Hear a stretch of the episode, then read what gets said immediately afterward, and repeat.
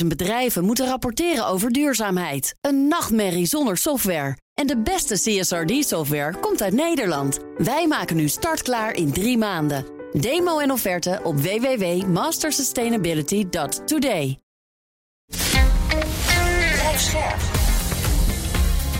BNR Nieuwsradio. Boekenstein en de Wijk. Hugo Reitsma. Welkom bij Boekenstein en de Wijk. Het is maandag dag 579 van de oorlog in Oekraïne. Rob, mag ik bij jou beginnen? Ja, dan beginnen we op de grond, uiteraard. Uh, en dan wil ik alleen maar me focussen op uh, de westelijke Zaporizhia uh, Oblast. Ja. de situatie is daar volgens experts dynamisch, zoals dat heet. En dat betekent dat er heel wat gebeurt. Uh, als je naar de kaart kijkt, dan denk je dat er bijna niks gebeurt. Maar in werkelijkheid gebeurt er echt ontzettend veel. Nou, uh, je weet dat uh, ten zuiden van Origiv er een, een hap uit het bezette gebied is terugveroverd. Dat is een gebied van pakweg 10 kilometer breed en een kilometer of 7 diep. dus het is niet gigantisch. Maar in, aan, de westkant, aan de oostkant van dat gebied ligt Verboven. Ja. Verboven, dat ligt eigenlijk tussen de twee, tussen twee fortificaties in van, uh, van Rusland. Grote mijnenvelden, maar boven en onder Verboven heb je dus um, fortificaties. En wat de Oekraïners hebben gedaan, die zijn tussen die fortificaties doorgegaan en zitten nu, en dat is echt belangrijk, die zitten nu in de buitenwijken van Verboven. Mm -hmm. Dus uh, ze zijn redelijk opgeschoten. Dat wil zeggen, dat is geen tientallen kilometers, maar een, een denk een kilometer of twee of iets dergelijks. Maar het feit dat ze dit doen, uh, is wel van, van groot belang. Wat ze vervolgens doen, is ten noorden van Verboven, uh, daar ligt het uh, plaatsje Novopokrovka. Ja. En ehm, dat ligt boven de eerste linie, in bezette gebied. En ze zijn dus nu bezig om boven die eerste linie ook naar het oosten open te rukken. Om dat stadje ja, onder controle proberen te krijgen. En dan is het idee dat ze vervolgens naar het zuidwesten gaan afzakken in de richting van verboven. Om er daarvoor te zorgen dat de, Oekra dat de Russische, krijgs, uh, de Russische uh, strijdkrachten worden, worden omsingeld. Wat je huh? ook ziet, en dat is ook belangrijk, rond Robertine gebeurt ook een hele hoop. Dat ligt eigenlijk recht rond Origiv. En dan zie je dat er wordt opgerukt naar het zuiden. Uh, hoe dat verloopt weten we nog, uh, nog niet uh, helemaal. Maar we weten wel dat ehm, de Russische krijgsmacht, het Russische leger, daar het echt op dit ogenblik behoorlijk moeilijk heeft. Dus kortom, wat we nu zien is, het lijkt erop dat er aan alle kanten ja, toch vorderingen worden gemaakt. Het schijnt, maar dat is niet goed te verifiëren, dat de Russen redelijk ongerust zijn geworden. Sommigen spreken van paniek. Um, mm-hmm. En uh, ja, ze houden nog wel steeds stand. Maar het is dus de vraag hoe lang nog en hoe dat verder gaat. Maar dat wil dus niet zeggen dat hiermee de oorlog uh, gewonnen is. Maar wel dat er een tactisch succes lijkt, met de, met de nadruk op lijkt, lijkt te zijn geboekt. Ah, interessant. Ik vond wel verhelderend gisteren, uh, schreef het Instituut voor de Study of War, dat die Russische verdedigingslinies zo 20 tot 30 kilometer diep zijn, afhankelijk ja. van waar je zit. Uh, en dat ze dus daarbij verboven, waar jij het over hebt, dat ze ongeveer 8 kilometer daarvan gehad hebben. Zeg maar. Ja, dus, dat kan heel goed kloppen. Ja, dat klopt ja. ook wel. Ja. Want, dat, want dat, die linie die ligt ook in, voor een belangrijk deel in, in bevrijd gebied. Ja. ja. Hoe, hoe staat dat met die panzervoertuigen? Die, die, die, nee, die uh, pans, ja, panzervoertuigen die tussen de linies doorgingen van ja. vorige week. Ja, dat schijnt nu, er schijnt nu wel enige bevestiging van uh, te komen. Je kan uh, bijvoorbeeld uh, door middel van satellieten kan je waarnemen of, of er bijvoorbeeld ehm, warmte zich op bepaalde plekken ontwikkelt. Dat het schijnt ja. nu inderdaad zo te zijn dat ze ook nu met wat, wat panzervoertuigen daar doorheen zijn. Maar ik moet onmiddellijk zeggen, um, ik heb meerdere bronnen gezien en iedereen zegt van het lijkt erop, maar we moeten nog even wachten met echt definitieve conclusie trekken. Vandaar dus dat ik ook zei van veel van de collega's, veel van de experts, die zeggen dat de situatie dynamisch is. ja, ja, ja. Ik las dat rapportage van het Instituut voor de Studie of War gisteren, geloof ik, hè, 24 september. En die zeiden van, er gebeuren hele rare dingen, maar we weten niet precies wat er aan de hand is. Uh, sommige plekken zouden eigenlijk door de Russen moeten worden opgegeven, maar dat doen ze niet. Ze houden er toch wanhopig aan vast. En dat komt heel misschien, met allemaal slagen om de arm, omdat Poetin aan het micromanagen is. En gewoon, ja, ja. En, en, gewoon zegt dan van je mag helemaal niks opgeven. Terwijl het soms tactisch verstandig is om iets op te geven. Ja, ja, ja. ja, nou ja goed. De vraag is natuurlijk of uh, Poetin dit soort orders geeft. Want ook in, uh, in Rusland is het zo dat de militairen uh, de, de supervisie hebben over die militaire operatie. Poetin stelt de strategische doelen uh, vast die moeten worden bereikt. Dus ik weet niet of dat zo is hoor. Nou ja, misschien ook wel, maar ik vind dat lastig te beoordelen. Hm. Arjan, ben jij nog steeds van de raketten? Ik ben nog steeds van de raketjes. Ja. Rusland heeft uh, weer Odessa aangevallen. Hè? Ja, afgelopen nacht. Ja, dus de eerste aanval sinds Oekraïne een nieuwe graanroute zoekt. Er zijn nu twee schepen, weet je, via die Roemeense route. Dus dat was eigenlijk ook wel een beetje te verwachten. Nou, wat hebben ze geraakt? Een marineterminal kapot, een graandepot kapot, een oud hotel dat daar stond, dat niet meer in gebruik was, in de fik natuurlijk. Hè. Eén vrouw gewond. Uh, en verder uh, de, 19 drones en twee Onyx supersonische raketten, hè, Onyx, en 12 Caliber missiles. Hm. Nou, 19 drones zijn neergehaald, dat zijn dus alle drones, en 11 uh, eh, Caliber missiles van de 12. Ja. En overigens de getallen bij New York Times zijn anders dan bij The Guardian, maar ik gebruik nu de Guardian ja. getallen. Hm. En uh, nou, verder is er dus uh, ook een aanval geweest van Rusland op uh, Berislav. Daar zitten we in de Gerson-regio. Twee doden, drie gewonden. En Oostenrijk schijnt, sorry Oostenrijk, Oekraïne schijnt weer de Krim aangevallen hebben met drones. Maar daar weten we verder helemaal niks van. Dat zeggen dus de Russen. Ja? Hm. En, en, en Rusland zegt dat ze met luchtafweer alle drones uit de lucht hebben gehaald. Zowel op de Krim als in Bryansk als in Koersk. Hmm. Of het waar is, weten we niet. Hugo, jij zag toch wat nieuws over wat er nou precies is gebeurd in het hoofdkwartier op de Krim met die aanval met die drones? Ja, dat was uh, vrijdag. Hè? Daar, even kijken, wie zei dit nou? Uh, goed, nou, het wordt oh, een legerfunctionaris van Oekraïne. Die zegt nu, wat, wat natuurlijk eerder al lang het gerucht was, dat de commandant van de Russische vloot op de Zwarte Zee, admiraal Viktor Sokolov, dat hij daarbij is gedood. En 34 officieren in totaal en nog 105 gewonden, zouden daarbij zijn gevallen. Nou ja, je hebt die beelden vast ook wel gezien hè, van uh, de, de, die, die raketten die daar neerkwamen en dat, dat gebouw uh, verwoesten. Echt, ik, ik, las ergens dat ze het nu ze aan het afbreken zijn, de resten. Dus zo is het eraan ja, toe. Ja, ja, ja, ja, Nou, je zou denken dat ze die ATACMS die er dan mogelijk toch gaan komen helemaal niet nodig hebben als ze dit al voor elkaar kunnen krijgen. Tja. Ja. En dat telt nu wel op, hè, jongens. Dan heb je dus de, die, die scheepswerf hè, vorige ja, week. Ook op de Krim. Plus, plus die twee grote schepen. En dan hebben we ook nog dat, uh, even dit vliegveld, weet je wel, bij Saki. Hè? Dus het is, het is wel. Hier zou je dus een Russische reactie op moeten veronderstellen. Dit is niet ja. niks. Toch? Nee, maar dan denk ik dat je dat ook op een andere manier moet zien. Uh, uh, kijk, je kunt allerlei apocalyptische uh, scenario's daarop loslaten, maar dat zal ik nu maar even niet doen. Uh, maar ik heb het gevoel dat die oorlog ook aan het veranderen is op dit ogenblik qua aard. Uh, dus die dat escalatierisico, dat lijkt nu een klein beetje naar de achtergrond te zijn geschoven. Of dat echt zo is, uh, dat, dat, dat kun je nooit controleren, maar dat zie je pas als het gebeurt. Maar wat ik wel boeiend vind is om te zien dat Oekraïne, en dat heeft hier alles mee te maken met de reacties van de Russen, bezig is om een zaak voor te bereiden voor het internationale strafhof in Den Haag. Ja. Uh, om uh, te stellen uh, dat Poetin en zijn kliek moeten worden aangeklaagd in verband met het bewust laten verhongeren van de bevolking. Dus wat hm. Arie Jan net heeft uitgelegd, ook die aanvallen, die zijn in zeer belangrijke mate bedoeld om de graanexporten te, te verhinderen. maar het verhongeren gaat natuurlijk ook veel verder door aanvallen, niet alleen op die graanfaciliteiten, maar ook op steden. Uh, op de elektriciteitsvoorziening, op de watervoorziening. Uh, dus nu maken ze daar echt een groot punt van. En ze zijn nu bezig met het team om uh, te kijken hoe je dat het beste, ehm, hoe je dat het beste kunt doen. En dat is politiek, maar ook psychologisch buitengewoon ehm, belangrijk, want we hebben natuurlijk in de jaren 30, 1932, 33 was het volgens mij, die Hmm. holodomor gehad, weet je wel. Hmm. Hè, waarbij Stalin eh, de Oekraïnse bevolking probeerde uit te hongeren. Eh, er wordt dus nu ook een link gelegd met dat, om duidelijk te maken dat Rusland dit gewoon doet.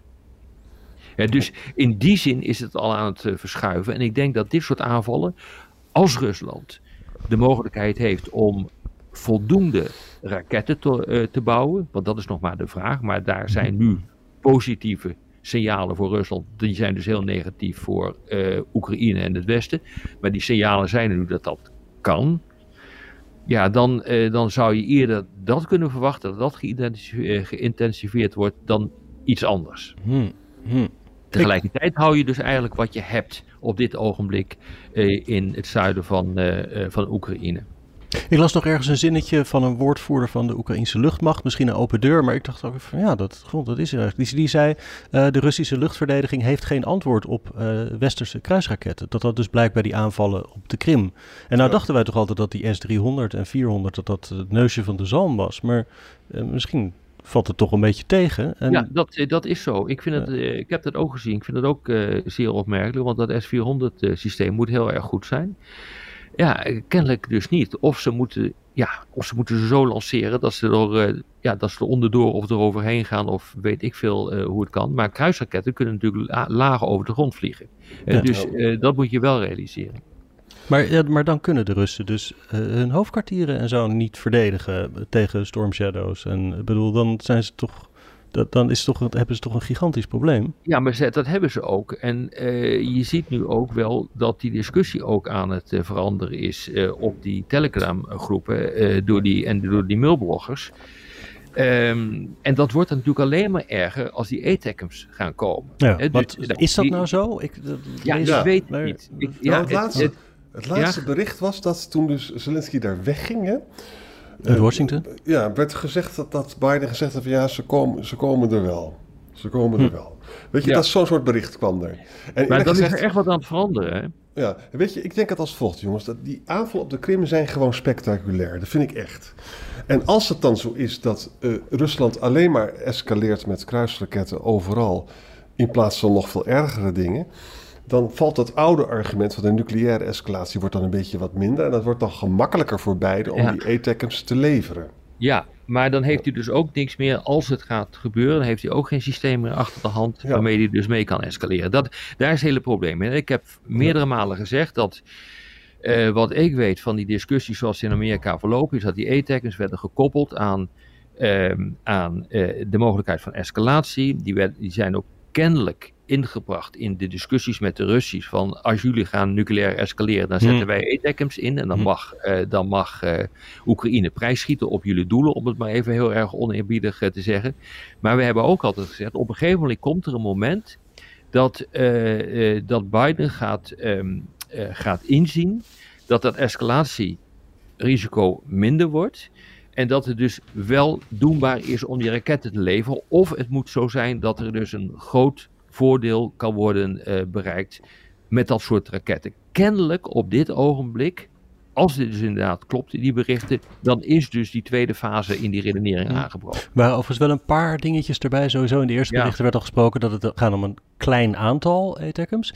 En Ja. her en der waren er wat mensen die zeiden van ja, maar die worden dan eh, uitgerust niet met één grote explosieve lading, maar met clustermunitie.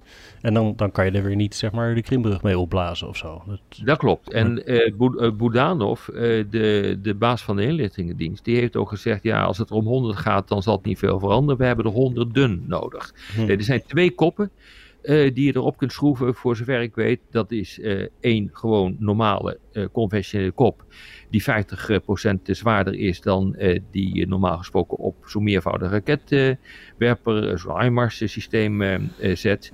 Of je gaat inderdaad naar een, een vorm van clustermunitie.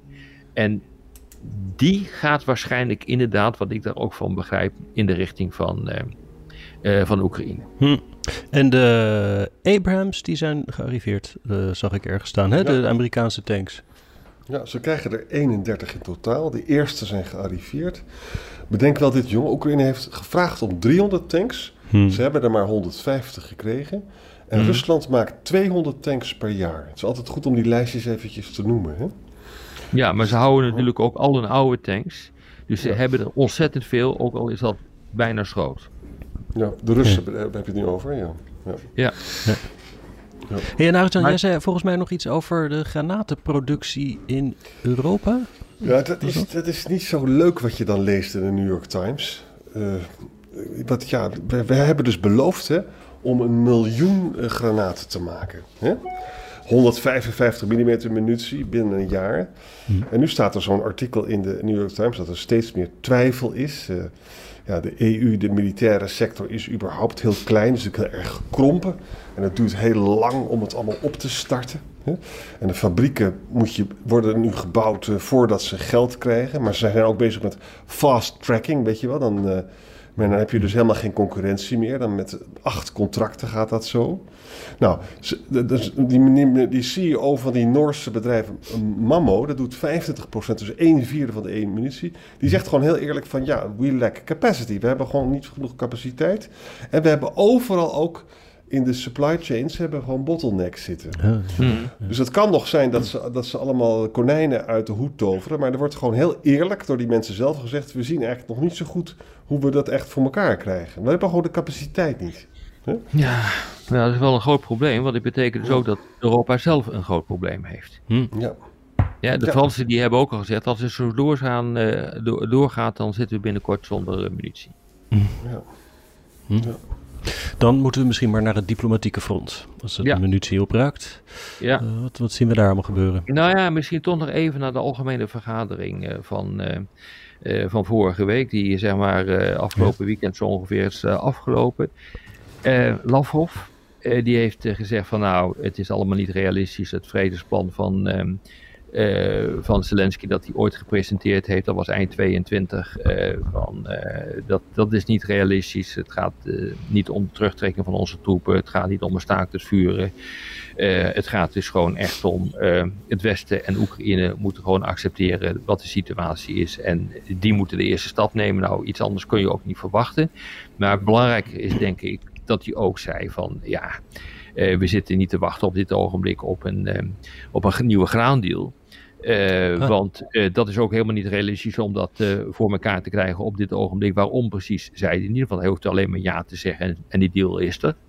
Eh, maar het heeft gewoon te maken met waar we het net over hadden, in mijn optiek althans, eh, dat eh, Rusland gewoon bezig is om die eh, oorlog te verbreden naar toch bijna een totale oorlog, waarbij ook de oorlog in belangrijke mate wordt overgebracht op de economie van, eh, eh, van O- Oekraïne. Die Hm. economie moet worden gesloopt. Daarmee heb je trouwens ook gewoon het Westen ehm, eh, in de tang.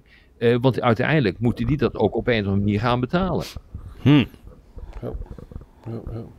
Het is heel duidelijk, die Lavrov verwerpt gewoon het vredesplan van Oekraïne, maar ook die graandeel. Hè? Ja. Dus, zo, zo- maar Rusland zit onder enorme druk, militair zou ik willen zeggen. Eh, ze- er zijn nu twee graanschepen, zijn er toch doorheen gepoept hè, via die Roemeense Mhm. territoriale route. Nou, vandaar dus die aanval op Odessa natuurlijk. Maar dat was me niet zo verschrikkelijk veel raketten, want zoveel hebben ze ook weer niet. Mhm. Maar, maar er komen er wel weer bij. Het is wel eh, Rusland. eh, Ik vind het Russische beleid, ik begrijp het allemaal niet zo goed hoor. Nou ja, als je dus vastzit, uh, Arend Jan, militair, en dat zit het nu, en het gaat niet heel erg goed. Ik bedoel, tot nu toe houden ze stand in het eh, zuiden. Eh, maar het is ook niet zo dat ze die Oekraïners nou echt makkelijk eh, kunnen tegenhouden. Nou, dan heb je dus nog maar één mogelijkheid over. En dat is dat je het land economisch zo hard mogelijk probeert te, te treffen. En ik denk dat dat op dit ogenblik aan de hand is. En dat ook de reden is waarom Lavrov zegt van, eh, wij gaan niet praten. Ja. En dan is het de grote vraag van, durft Rusland het aan om in de Roemeense territoriale wateren zo'n schip te... Dat kan natuurlijk niet, dat is een, NAVO-land. Dat kan je gewoon niet doen. Ik, Maar- nou ja, dat is een rode lijn die tot nu toe eh, zeer goed eerbiedigd is. Hè. We hebben eerder over Hm. rode lijnen gesproken. Dit is er één van. Eh, want ja, dan eh, heb je de kans dat eh, artikel 5, een aanval op één, is een aanval eh, tegen alle in werking gaat treden. Dan heb je een probleem met de NAVO. Eh, dus eh, dat weten de Russen ook en dat eerbiedigen ze ook op dit ogenblik. Ja. Maar ja, je weet het maar nooit. Nee, dus ze richten zich op de economie van, eh, van Oekraïne, maar ook van Ja. ons eh, weer met Ja. de energievoorzieningen. Arend Jan, had jij ergens Ja, het stond, in, stond in de FT, ik geloof donderdag of vrijdag vorige week. Niet zo'n heel groot artikel. Maar het komt hierop neer. Wij hebben natuurlijk zelf al lang gezegd dat we geen uh, diesel meer willen kopen. En ook geen olie meer willen kopen. Ja, en gas. In, in, ja. in, in gas, hè. Dus je zou denken, dat raakt ons niet. Maar Rusland heeft nu gewoon de dieselexport naar alle landen uh, opgeschort. En dat heeft een direct een effect op de, op de wereldmarkt. Ook omdat uit mijn hoofd Rotterdam had een hele grote dieselvoorraad aangelegd. Hè? Mm -hmm. Maar ja, het is een wereldmarktsituatie. En toen dacht ik bij wel, jongens, uh, ook met die discussie in het kabinet, weet je, over de, dat kwartje op de benzine. Dit, diesel is, als die prijs, die stijgt dus ook gelijk, hè? 5% en zo. En, hm. en, FT doet daar dus heel gewichtig over. En als dit doorgaat, en er komen dus echt tekorten, ook omdat ze de Saoedi's uh, knijpen, hè? Dan komt dat, uh, gaat dat onze economische economie hard raken, denk ik. Ja, het wordt gebruikt voor ik... transport hè, van goederen. Dus ja. dat heeft direct ja. invloed op de prijs van zo'n beetje alles. Nou, ik ben erg benieuwd hoe dit gaat lopen. Want uh, we weten ook dat van die diesel, veel van die diesel komt nu gewoon uit, uh, uit, uit India. Ja. dus ik ben echt heel benieuwd hoe dit gaat lopen. Want Rusland omzeilt sancties. Maar het Westen omzeilt feitelijk ook de effecten van tegensancties. Dus uh, maar eens even kijken. Maar goed dat dat prijseffecten heeft, dat lijkt mij, uh, lijkt mij logisch. Maar de, het venijn zit hem vaak in de details hoor, van dit soort uh, hmm. zaken. Ja. Hey, nog eventjes terug naar de VN. Want Rob, jij zei dat daar nog een, een of andere verklaring was getekend door ja. allemaal landen. Wat, waar ja, gaat het over? Leuk. Ja, dat is wel leuk. Ik uh, had hem ook even gemist, maar er is een verklaring over Atlantische samenwerking uh, getekend van ruim 30 landen. Gaat over economische samenwerking en milieu. Dat zijn de landen die aan de Atlantische Oceaan uh, grenzen. En ja, die gaan nu de handen ineens slaan om te komen tot een open en vrije Atlantische regio. waar feitelijk ook oorlog niet zou kunnen voorkomen, de, waar de territoriale integriteit zal worden eerbieden. Dat heeft onder andere ook te maken met de Oekraïne-oorlog, omdat die, uh, door die oorlog er natuurlijk continu berichten zijn dat die Russen proberen om bijvoorbeeld onderwaterkabels uh, door te knippen. Of allerlei andere kritische infrastructuur die in, in de zee ligt. dus dit duidt op een, op een samenwerking waarin men toch probeert om ook in die hele Atlantische regio ja, de economische ontwikkeling zo goed mogelijk te laten verlopen. En daarvoor is natuurlijk gewoon veiligheid nodig. Nou, het, is echt pril. Ik heb die verklaring gezien. Uh, ik moet zeggen, ik ben er nog niet diep van onder de indruk. Maar het feit dat dit gebeurt, is nu de zoveelste institutionele verandering die we zien uh, internationaal. We hebben eerst hè, de BRICS gezien, waar we het uitvoerig over hebben gehad. Die zijn uitgebreid met een aantal landen, waaronder uh, Iran. Um, we, we, zien ook in uh, Azië zien we allerlei um, initiatieven, zoals uh, bijvoorbeeld uh, Biden die een deal sluit met Zuid-Korea en met Japan. Nou, ga zo maar door. Hm. G20 die wordt uitgebreid met de Afrikaanse Unie. Dat is in Mhm. belangrijke mate is dat allemaal een reactie, vind ik, op die Oekraïne-oorlog, die gewoon de geopolitieke kaart opnieuw doet schudden. Het is natuurlijk ook zo van, als, als Rusland echt dat zou gaan doen, hè, met, met internetkabels door, dit is natuurlijk verschrikkelijk, dan word je vanzelf een paria-staat natuurlijk. Hè. Dan jaag je natuurlijk uh, mogelijke bondgenoten tegen in het harnas. Ja. Dus, en daarom is het ook zo dat ze dat nog niet uh, echt doen. Ze durven het niet. Dat denk ik ook, ja. Hm. ja. Hey uh, op onze appgroep beloofde jij ons nog een blokje over de ja. Zuid-Chinese Zee. Ja, weet je, daar moeten we toch eventjes over praten. We, hebben, we, praten daar heel vaak over, want het is allemaal heel spannend. Als mensen willen genieten van een ongelooflijk mooie presentatie op de New York Times, dan moet je dat vooral gaan doen vandaag. En dan zie je dus, je klikt aan dat artikel aan, en dan zie je dus dat een Chinese kustbewakingsschip komt met felle lichten gaat hij naar een uh, Japanse vissersboot. Je schrikt je helemaal kapot als je het ziet. Ze hebben het prachtig gedaan. Hè? Uh -huh. Nou, wij weten dat, dat China daarmee bezig is. Inmiddels zijn er ook wat cijfers. Dat is echt ongelooflijk. China heeft een armada van schepen. Dat zijn er 150. Hè? Kustbewaking. 1000 ton. Japan heeft er 70, Amerika heeft er 60, Filipijnen 25, Taiwan 23. Hè? Mm -hmm. nou, op die schepen zitten 67 mm kanonnen. Je kan er zo anti-scheepsraketten op plaatsen als je dat wil. Het is groter dan een Amerikaanse Navy destroyer. Hè? En eh, het heet dus Chinese kustbewaking. Het is de grootste kustbewaking van de wereld. En een manier dus om hun macht te, te projecteren. En het leidt natuurlijk ook tot een wapenwetloop. Want al die, Taiwan gaat niet meer van die boten bouwen. En Japan ook. En de Filipijnen en de Vietnam ook. Gaan zo maar door. Hè? Ja.